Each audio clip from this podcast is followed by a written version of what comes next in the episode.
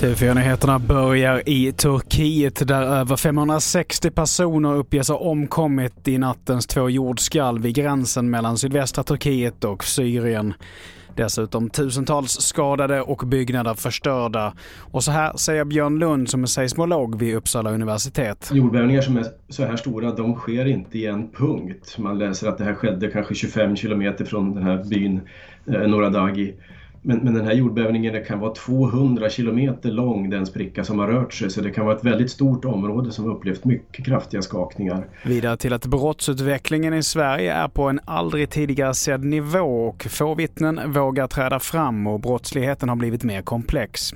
Det skriver rikspolischef Anders Thornberg tillsammans med andra ledande polischefer på DN Debatt idag.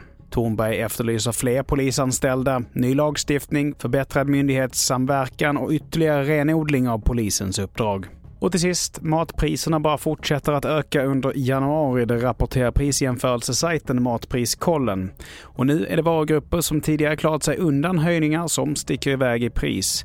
Till exempel smågodis och öl. Fler nyheter hittar du på tv4.se. Jag heter Mattias Nordgren.